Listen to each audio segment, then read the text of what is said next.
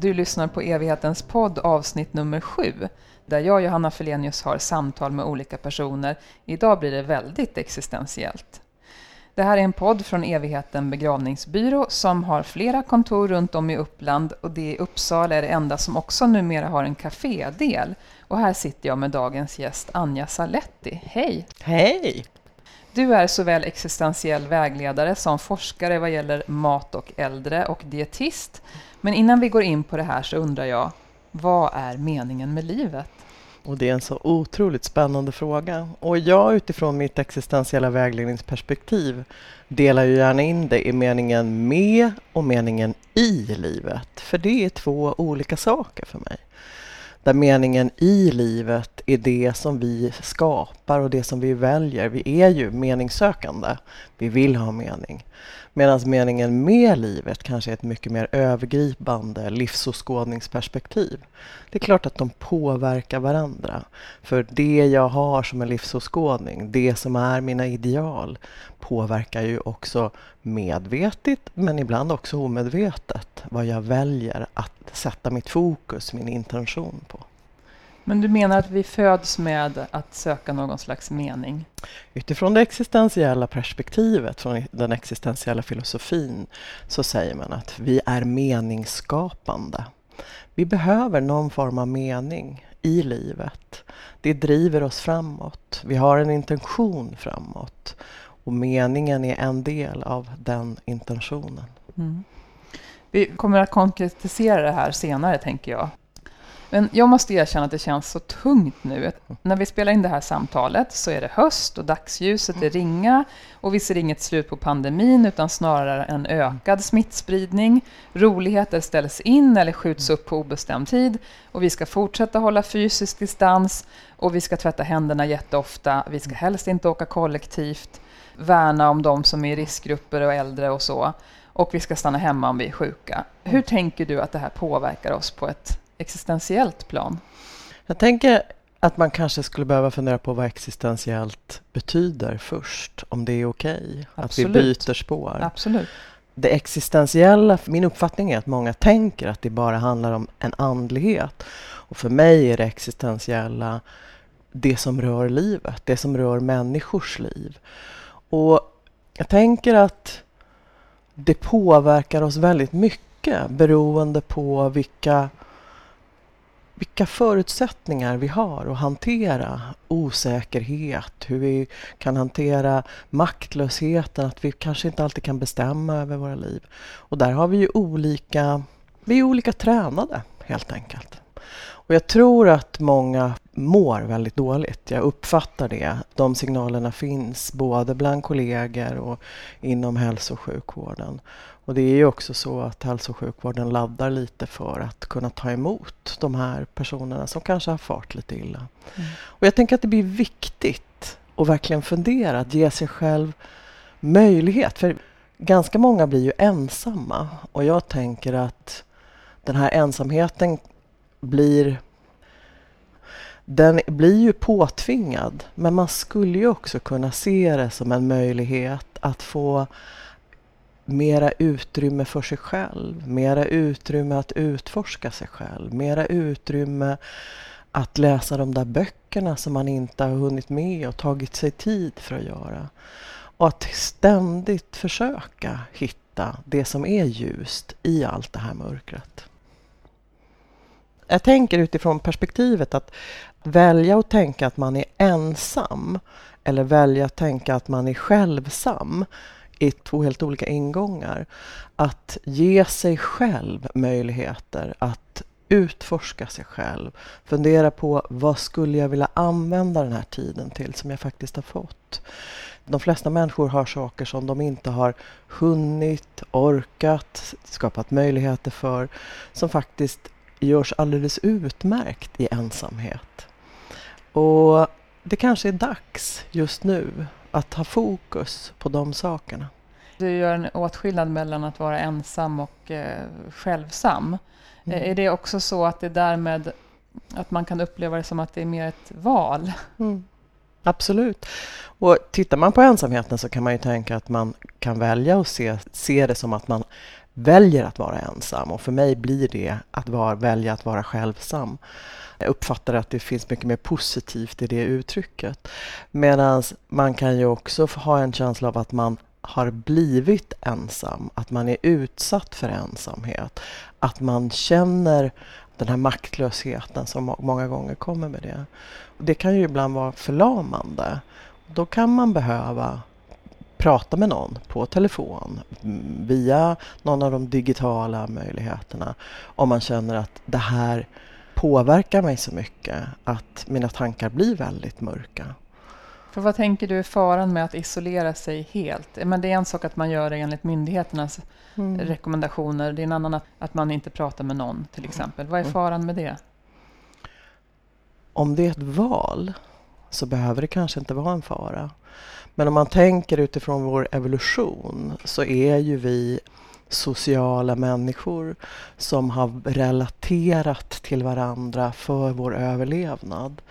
Och vi är mer eller mindre rustade för att vara själva. Vissa klarar inte att vara själva mer än tre minuter för då händer det så mycket uppe i huvudet på dem så att de står nästan inte ut.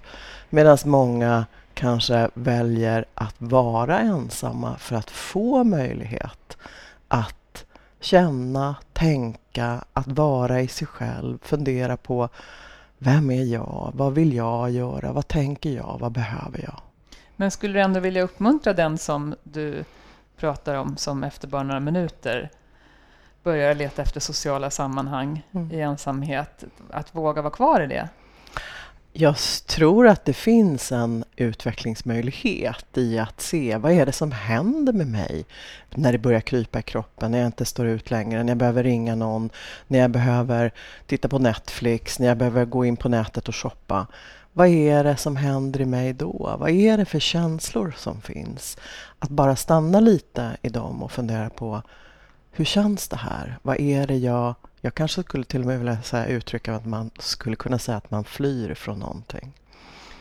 Ja, och dessutom kan det väl vara så att ibland kanske vi automatiskt går till kylskåpet och börjar äta någonting fast, mm. fast det kanske är en ensamhetskänsla eller någonting. Att vi kommer ifrån mm. det som egentligen mm. bränns där inne mm. direkt. Mm. Och jag tänker att vi är ganska, alltså generellt uppfattar jag att många människor är väldigt avstängda. Eftersom jag också jobbar med massage så brukar vi prata att man är kroppsdöv. Att man inte riktigt känner in kroppen.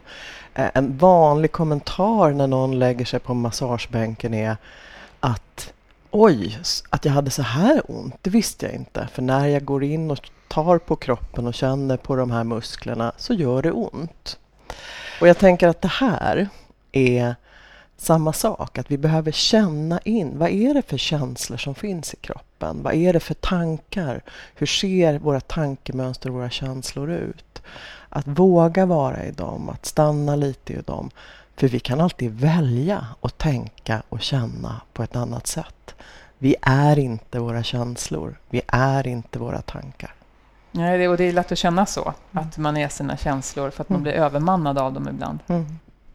Ett exempel på hur man kan testa det här är att lägga två papper på, på ett golv och så skriver man en glad känsla på ett papper och ett ledsen eller arg känsla. Och så kan man kliva mellan de här olika papperna och fylla sig själv med den här känslan. För Det blir väldigt tydligt att vi kan styra mm. våra mhm. känslor. Okej, okay. det blir så fysiskt påtagligt. Det blir så fysiskt. Vad tror du att vi som kollektiv har att lära av coronapandemin om något? Jag tror vi har massor att lära. Jag tror att, att om vi backar till det här med meningen i och med livet så är ju för mig meningen i livet kanske att vara delaktig i personlig utveckling, både min egen och andras. Och då tänker jag att det här finns verkligen en möjlighet att utforska hur lever jag mitt liv? Hur vill jag leva mitt liv? Hur förhåller jag mig till livet? Hur ser min balans ut i livet mellan arbete och fritid? Hur ser mina relationer ut? Hur vill jag att mina relationer ska se ut? Alla de existentiella frågorna finns utrymme för att plocka upp och fundera över. Så du menar att vi få hjälp att trycka på någon slags pausknapp när vi inte kan resa eller mm. vi kanske inte pendlar lika mycket och sådär. Mm. Absolut. Och jag tänker igen att man kan välja om man vill se den här pausen som att någon har tagit min frihet ifrån mig eller jag har faktiskt har friheten att utforska mig själv just här, just nu, i den här stunden. Jag tänkte fråga så här, du är ju bland annat dietist. Vad är hälsa i din värld? Ja, det är något som jag funderar jättemycket på. Vad är hälsa? Vad innebär hälsa? Vad är det att vara hälsosam? För mig är nog hälsa ett mycket vidare begrepp än vad vi kanske förmedlar inom hälso och sjukvården. Om man tänker på WHOs definition så lägger man ju in både fysisk och psykisk och social hälsa. Och jag tycker fortfarande att vi tappar delar i dem. Så att jag skulle nog kunna tänka mig att ha ett övergripande perspektiv som då skulle kunna heta existentiell hälsa. För för mig är existentiell hälsa alla delar i livet. Så det handlar om att hitta en, ett sätt att må så bra som det är möjligt i det liv som jag har utifrån de förutsättningar jag har. Jag kan ge ett exempel på en, en under eh, slutet på 90-talet så gjorde jag en del jobb för Socialstyrelsen. Vi gjorde en del kartläggningar utifrån undernäringsproblematiken hos äldre. Och då fick jag möjligheten att gå hem till människor, äldre människor som bodde hemma. Och på Söder, fem trappor upp utan hiss, bodde en liten tant med sin man, så han var storrökare. Hon hade KOL, vilket innebär att hon hade hjälp att andas hemma. Hon hade ingen möjlighet att komma ut för hiss, det fanns ingen hiss i huset. Hon hade flera operationer utifrån frakturer för hon hade ett, ett väldigt skört skelett. Och när jag frågar henne en av de frågorna som ingick i mitt frågebatteri så var frågan, om du jämför dig med andra, hur tycker du att din hälsa är? Åh, jag mår så mycket bättre än alla andra. Och hennes små blå ögon bara gnistrade. Det mötet har jag verkligen burit med mig, för det handlar om hur ser vi på det vi har? Ser vi på det vi har eller ser vi det vi inte har? Det finns ju ett halvtomt och ett halvfullt glas och det är ju samma sak. Hur vi väljer att förhålla oss till livet. Så vad var det hon hade tillgång till eller förmågan att göra? Att se det hon hade, det som gjorde henne glad. Att se att hon kunde, att hennes man, Eh, hon var glad för att hennes man fanns där. Att han rökte sina stora cigarrer, det gjorde absolut ingenting.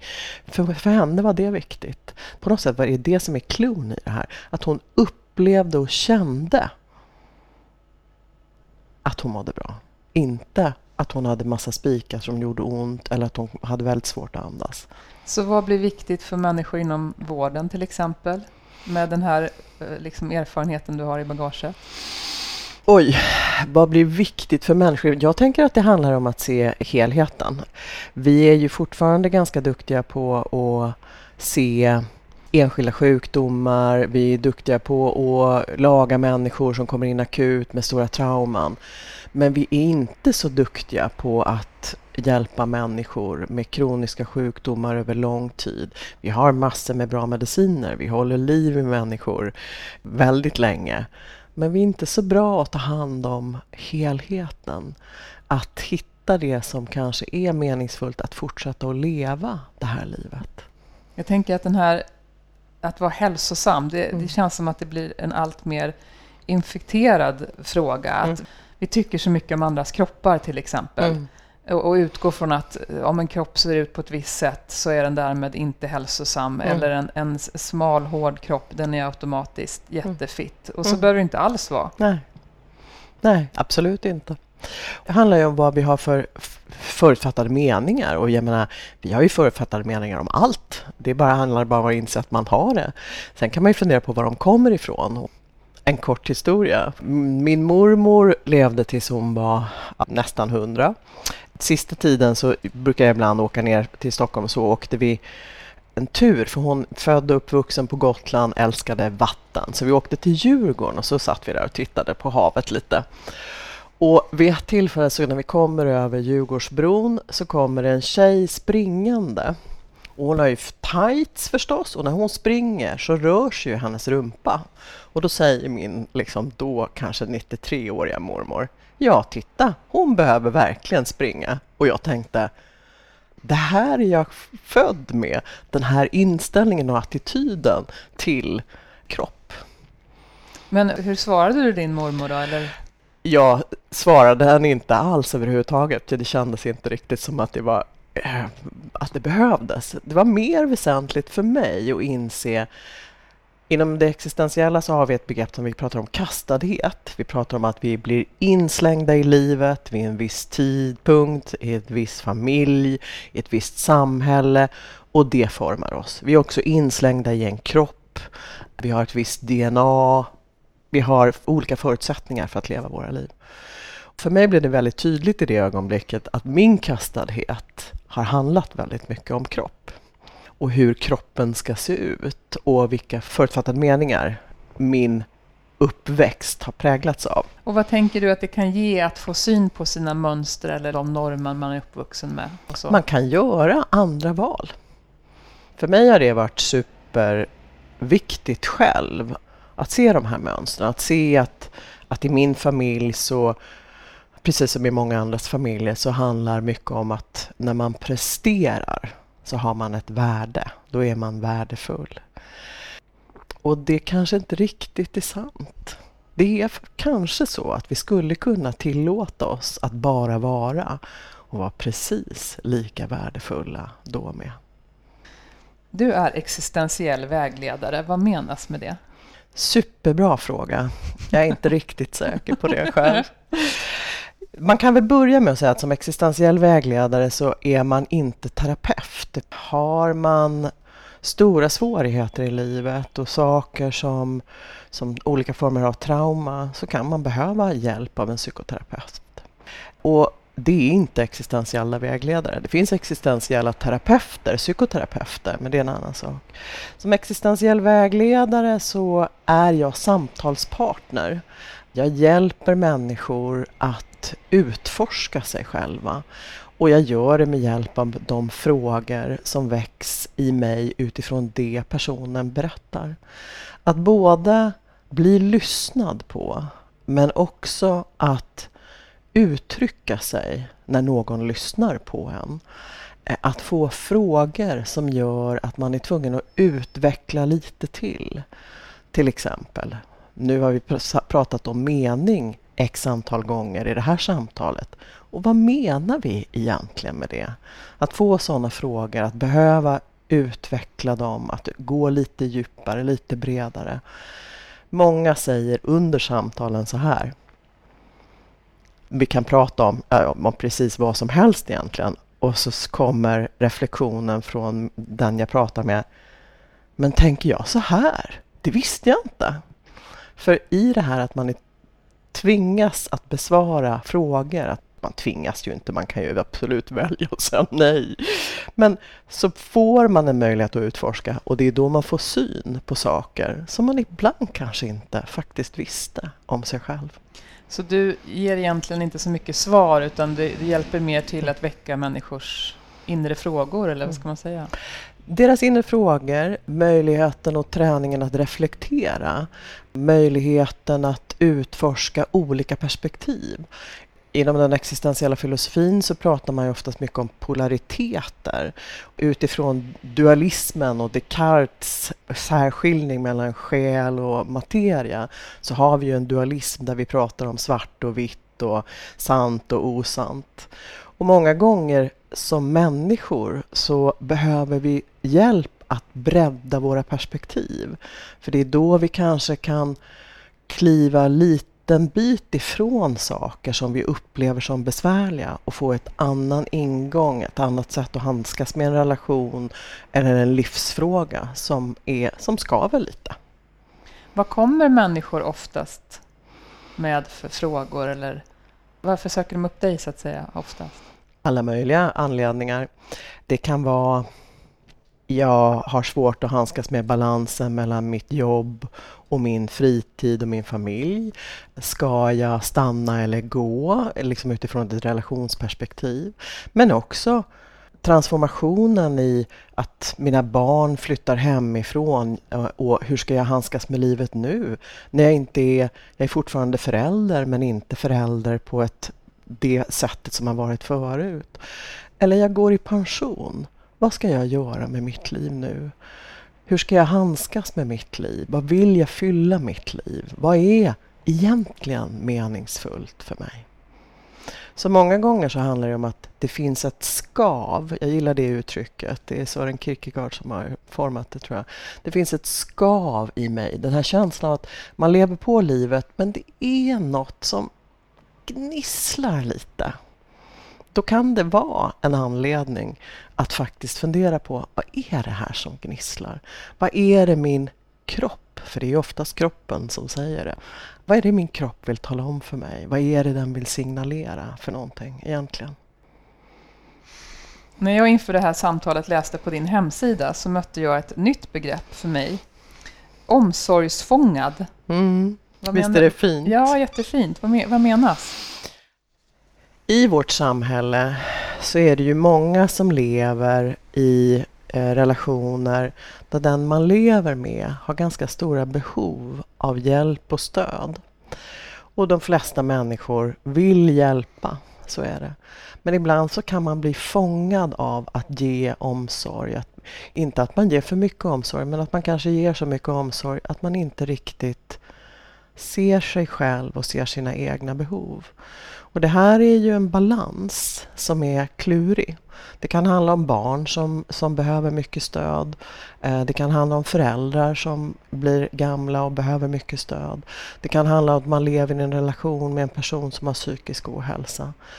Och att hitta sig själv i relation till det behov andra har av en gör att man kanske kan hitta mer återhämtningskraft. Man blir mer motståndskraftig mot att själv fara illa. Men hur ska man veta när, när man faktiskt inte orkar längre? Eller när det är dags att gå? Eller den här äldre personen klarar inte av att ta hand om den längre? Eller mm. för att jag själv mm. vad heter det, förtvinar? Mm.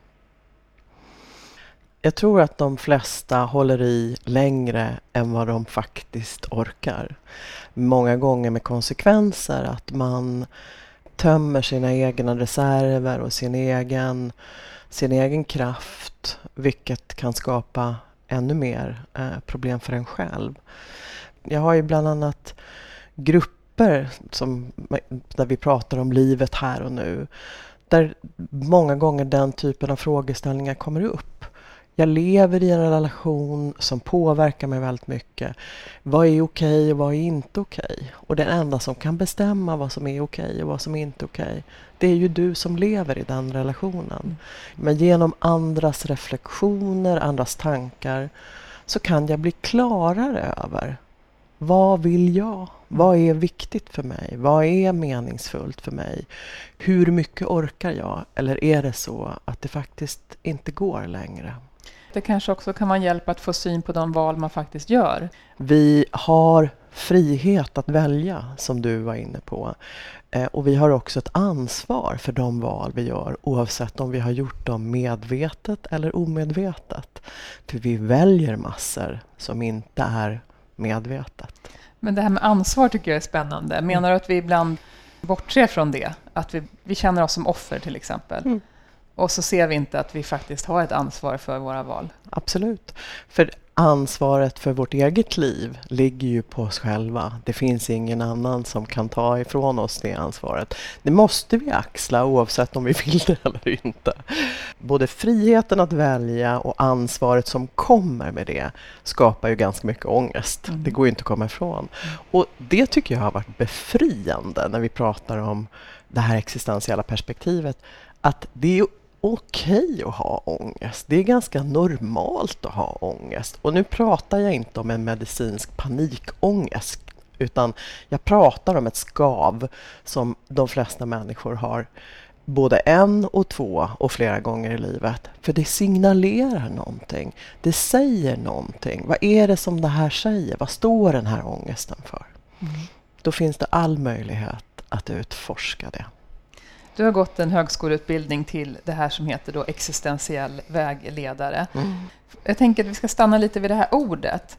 Det existentiella, det kommer från latinets existere, som har flera olika betydelser. Vara till, finnas till, äga tillvaro, träda fram, mm. visa sig, mm. uppstå, mm. uppkomma, vara för handen, såg jag en definition. Vad tänker du om det här själva ordet? Jag tänker att existens är ju jag tror att de flesta tänker existens som um, individ eller figur ibland. Och inte bara tillvaro, utan från liksom det existentiella filosofibegreppet kom ju ur existens. Medan existentiell handlar för mig om tillvaron, det som rör existensen. Det som rör mig som människa, det som rör mitt liv. Och det kan ju handla om alla perspektiv. Eller det handlar om alla perspektiv, så vill jag nog säga egentligen. Du menar att vi människor har en tendens att tro att vi automatiskt ska ändra på någonting mm. så fort vi börjar fundera i de här banorna. Mm. Det är så ovant att bara vara. Hur då? Mm. Många gånger så finns det ju en rädsla att utforska. För då tror många att måste jag ändra? Och det är klart att man inte måste ändra. Det kanske handlar om att få se sig själv tydligare. Att se sig själv, vad man vill och vad man inte vill. Att känna sig mer trygg i att det liv jag har valt faktiskt är det liv jag vill ha. Men man kanske förhåller sig på ett annat sätt. Och bara det att förhålla sig på ett annat sätt innebär ju inte att man har ändrat något. Men man har ett annat sätt att se på sitt eget liv och sig själv. Och vad kan det ge, tänker du? Är det att man kanske förlåter sig själv för att man har gjort de val man har gjort? Eller? Absolut, det kan handla både om förlåta sig själv men också acceptera sig själv utifrån alla de perspektiven. Jag menar, vi vill ju gärna se oss själva utifrån den här positiva bilden. Men de flesta av oss har lite baksidor också. Och det kanske handlar om att se hela sig själv. Att acceptera sig själv som jag är. Du har disputerat i klinisk geriatrik kring mat och äldre. Hur står det till idag? Hur vanligt är det med näringsbrist bland äldre till exempel? Det är fortfarande ett stort problem, så skulle jag säga. Men det man behöver lyfta in i den här diskussionen är lite det som vi var inne på förut. Vi har idag på våra äldreboenden människor som är multisjuka. Många har olika typer av sjukdomar som de har haft under lång tid vilket innebär att de har en inflammationsprocess pågående. Den här inflammationsprocessen ger någonting som kallas för kakexi, vilket innebär att kroppen bryter ner sig själv. Vilket gör att hur mycket mat vi än stoppar i vissa människor så kommer de aldrig bli välnärda ändå.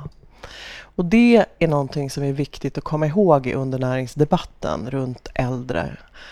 Att många är i slutet på livet och det handlar inte om att de inte får mat utan det handlar många gånger om att kroppen inte kan ta emot den mat de får. Sen finns det jättemånga perspektiv och jättemånga utvecklings och förbättringsmöjligheter på hur vi serverar och vad vi serverar och vad vi ger människor för möjlighet att uppleva en måltid. För dig så är det här med mat faktiskt också en existentiell fråga. I allra högsta grad. Men hur skulle vi kunna leva utan mat? Både utifrån ett näringsperspektiv men också upplevelsen. Vi samlas runt mat, vi äter tillsammans. När någon kommer så frågar vi, vill du ha något? Det var redan en av de första frågorna du ställde mig när jag kom hit idag. Vill du ha en kopp kaffe eller någonting till? Det finns i oss att vi, vi har en social interaktion runt måltiden. Och den sociala interaktionen tror jag personligen är väldigt viktig för många människor. Och bara för att man bor på ett boende så försvinner den inte. Problemet är att man har inte valt sina medgäster. Och det innebär att jag kanske som personal på ett vård och omsorgsboende behöver jobba mycket, mycket, mycket mer för att skapa en miljö där de här gästerna känner sig välkomna, inkluderade, får hjälp att hitta samtalsämnen, får hjälp att uppleva måltiden. Hur rustade är sjuksköterskor och så för det? Mm. Det här som inte liksom riktigt går att ta på. Alltså, min upplevelse är att, att vi har varit ganska dåligt rustade för det. Jag tycker ändå att det blir bättre och bättre och jag tycker ändå att vi Eh, att det finns en utveckling, men det finns fortfarande jättemycket att göra.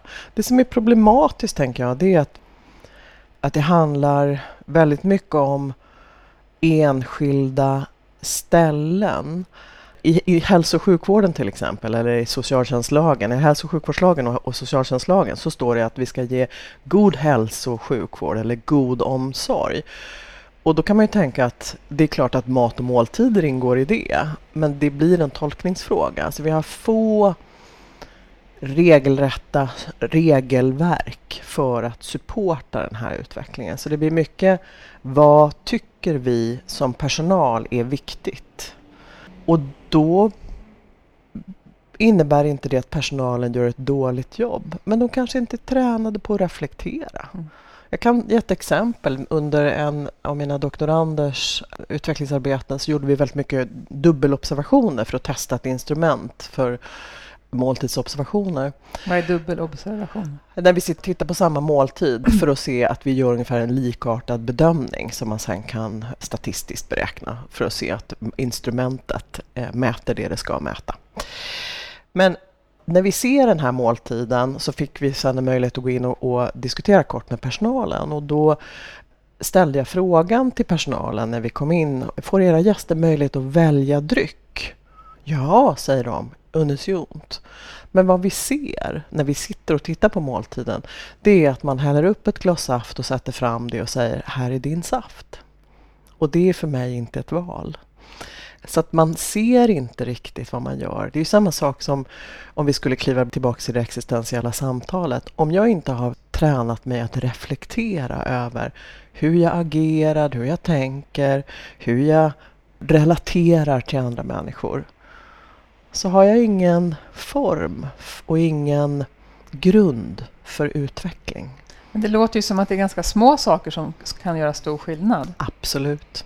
Jag menar, det finns måltider inom äldreomsorgen som är fantastiska. Det finns personer, personal inom äldreomsorgen som gör fantastiska jobb. Det finns individer under måltidsmiljön som kan lyfta en måltid och göra den till en upplevelse för de som finns med. Men det finns också personal som inte har den förmågan och kanske faktiskt inte ska vara i måltidsmiljön då. Utan de kanske ska göra någonting annat som de passar bättre för.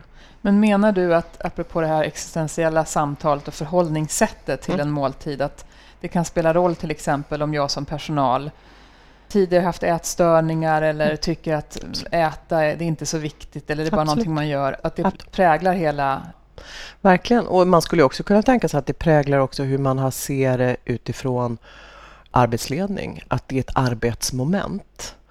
Och då är vi, tillba då är vi tillbaka till två begrepp som jag brukar prata om. Det är om vi har delat mat eller om vi har serverat mat. Och det finns väldigt stora skillnader. Om jag delar mat, då gör jag det som en uppgift. Om jag serverar mat så gör jag det som en omsorgsgärning. Och det är två helt olika saker. Vad tänker du att det skulle göra för skillnad om det i de här omsorgsplanerna eller vad det nu kan tänkas heta, att det specificerades mer kring hur man kan förhålla sig till det här med måltiderna? Det finns en utveckling här under de sista åren där man har lyft in måltiden och måltidsmiljön på ett annat sätt. Eh, men att implementera, att föra in goda rutiner i en organisation som är ekonomiskt styrd, det är inte alltid så enkelt. Då behöver vi kanske bedöma kvalitet på ett annat sätt än med pengar. Så att jag skulle verkligen vilja lyfta tillbaks det till politiker och de avtal som man skriver med vårdgivare att eh, lyfta in att det kanske måste få kosta om vi ska kunna ge allt det som vi skulle vilja se inom till exempel äldreomsorgen. Men behöver det kosta så mycket då? Det här låter ju mer Det som en behöver. attitydförändring. Det behöver inte kosta så himla mycket mer men det handlar om att ge personal utrymme, utveckling, utbildning. Att kunna forma de här måltiderna. Eh, under ett av de projekt som jag har varit delaktig i så träffade jag delar från personalgruppen och vi jobbade med reflekter att reflektera egentligen över hur de jobbade och vad de ville göra. De hade ju hur mycket bra idéer och tankar som helst som vi tillsammans kunde forma till att skapa någonting där till och med de äldre konstaterade att det hade blivit mycket trevligare. Men det krävs struktur. Det krävs att någon sätter fokus på det. Det krävs att någon håller i frågan. För sjuksköterskorna har hur många saker som helst. Cheferna har hur många saker som helst. Men att bara nagla fast någon person som driver, påpekar, går in och tittar, föreslår, reflekterar, fyller funktion. Kan du ge exempel på hur personal kan lyfta en måltid? Bara genom att titta på sin struktur, till exempel hur många personer har vi som äter i matsalen? Hur många behöver hjälp? Hur många har vi som jobbar? Hur kan vi fördela resurser? Vi kan ha två matlag. Vi kan börja med att ge dem som behöver hjälp mest först. Men de kan sedan vara kvar i matsalen och vara delaktiga i resterande måltiden. För då har vi frigjort personal.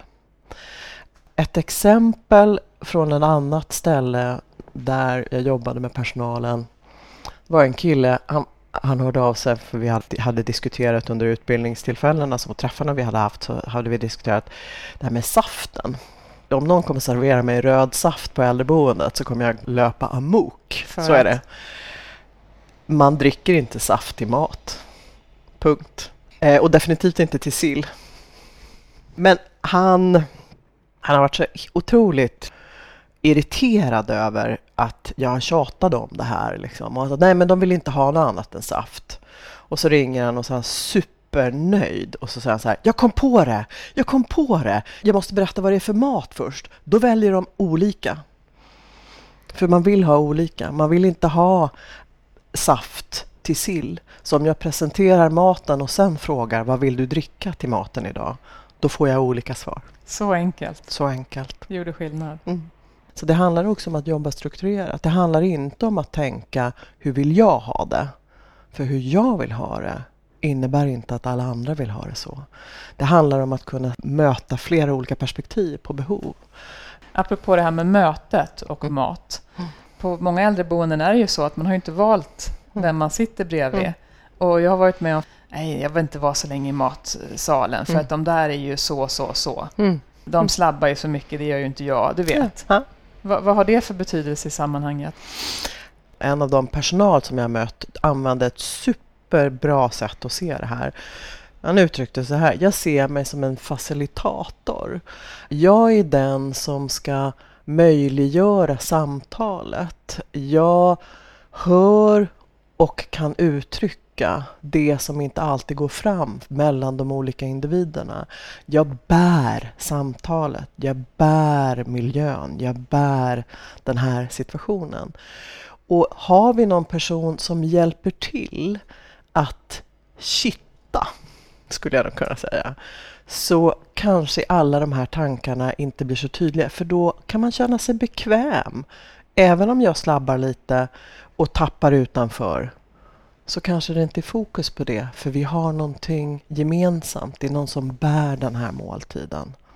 Om du träffar någon som slabbar i sig mat på 30 sekunder och bara Mm. tycker att mat är någonting som ja, det är bara liksom ett nödvändigt ont för att Mm. överleva. Mm. Vad, vad tänker du att den personen har missat? Jag tänker att den personen väljer andra saker i livet. För det är ju så att min förhållningssätt till mat och måltider är ett. Eh, jag menar, det finns människor som har valt att äta på tidningspapper eller direkt ur en kastrull hela livet. Men de kanske har andra saker i livet som ger mening för dem. Och om man lever ensam då, särskilt nu i de här tiderna när det är en del som är isolerade och man kanske inte har något husdjur. Hur kan Mm. man göra för en måltidskultur runt måltiden Mm. om man faktiskt vill det? Mm. Jag tänker att man behöver fundera på vad, vad tycker man om? Jag menar, det handlar om, om enkla saker. Att inte spara på det där finporslinet utan använda det. Att tända ett ljus, sätta på en bra musik eller kanske zooma med någon under måltiden. Till och med skulle man kunna laga samma mat och äta samtidigt. Någonstans handlar det om att fundera på hur vill jag ha det? Vad gör den här måltiden? Vad skulle den här kunna göra den här måltiden mer attraktiv för mig?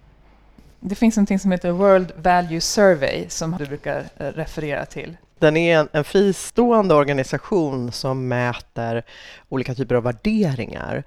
Och det finns en av de här värderingarna, det är att man har tittat på synen på livet från ren överlevnad till livskvalitet och självförverkligingar och i förhållande till religiösa föreställningar och eh, rationellt tänkande.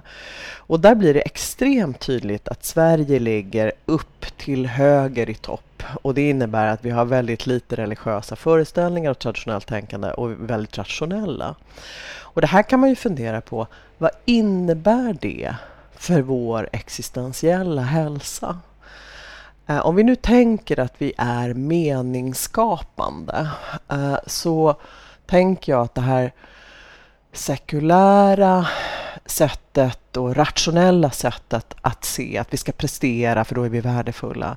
Det kanske inte alltid räcker för oss människor. Vi kanske behöver andra andra livsåskådningar, andra saker som gör saker meningsfullt i livet.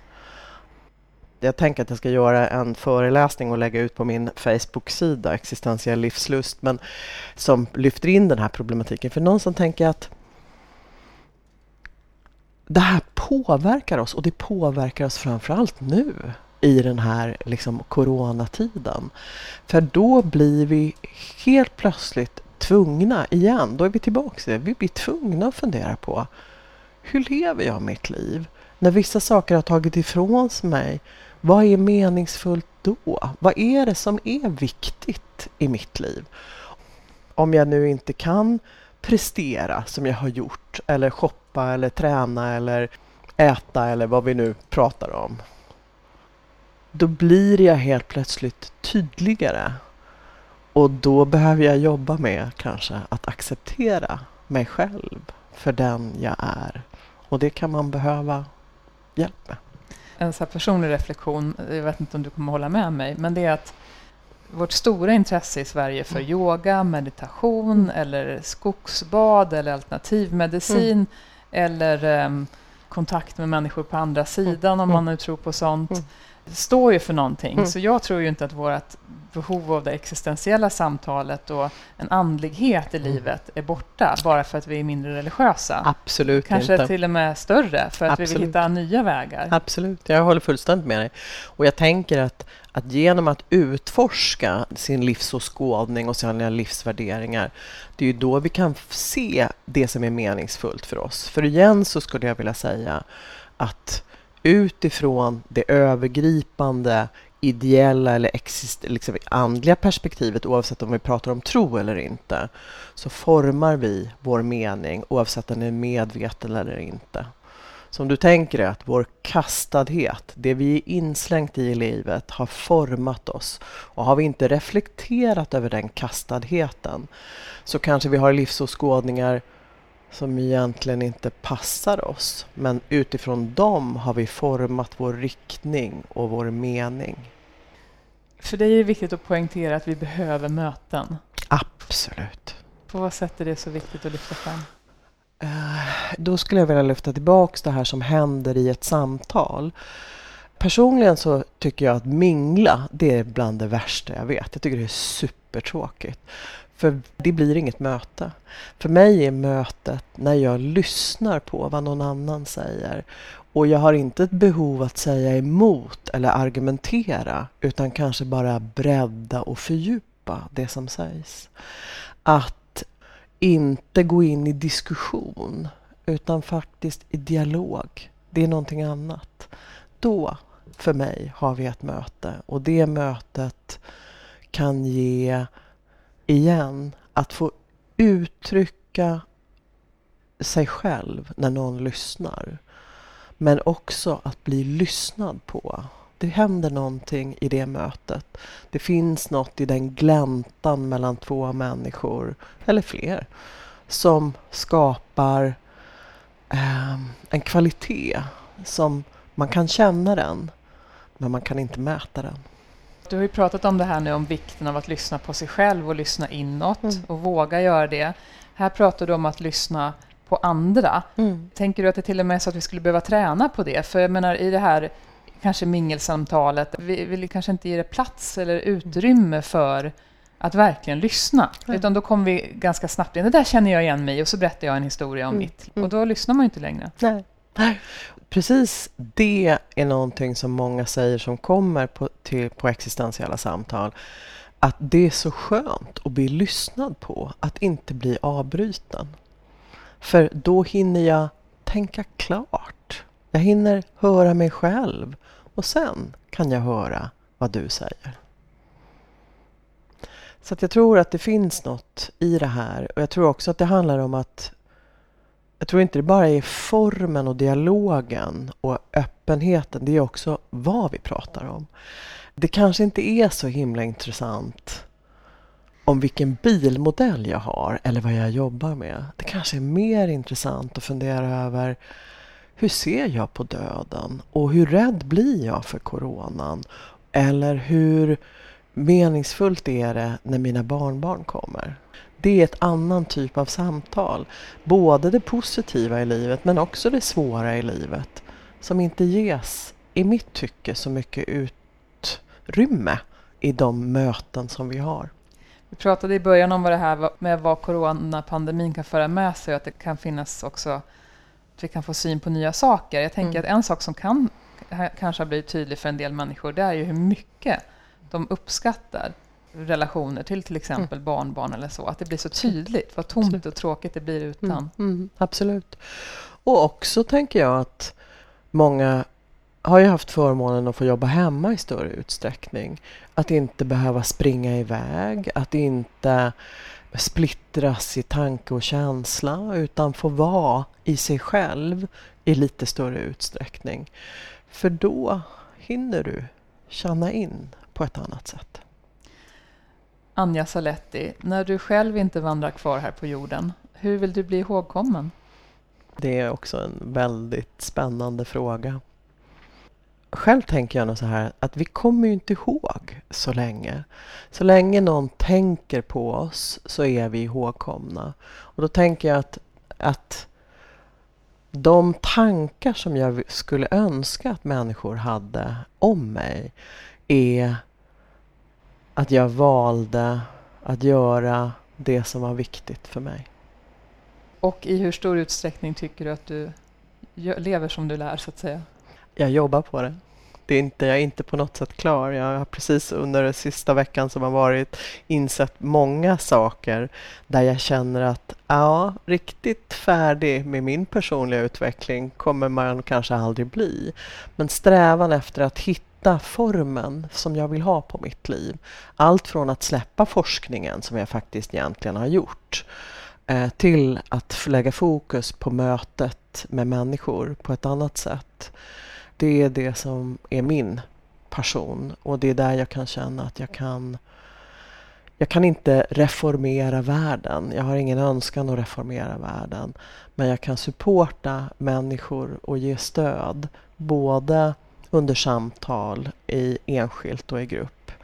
Så att man får en möjlighet att hitta det liv som man vill leva själv.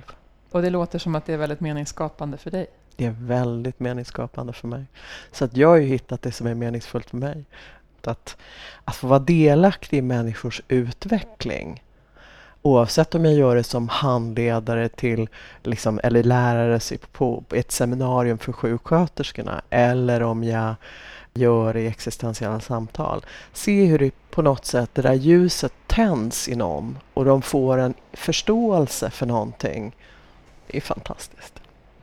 Det berättar Anja Saletti här i Evighetens podd. Tack snälla för att jag fick låna dig. Tack snälla för att jag fick vara här.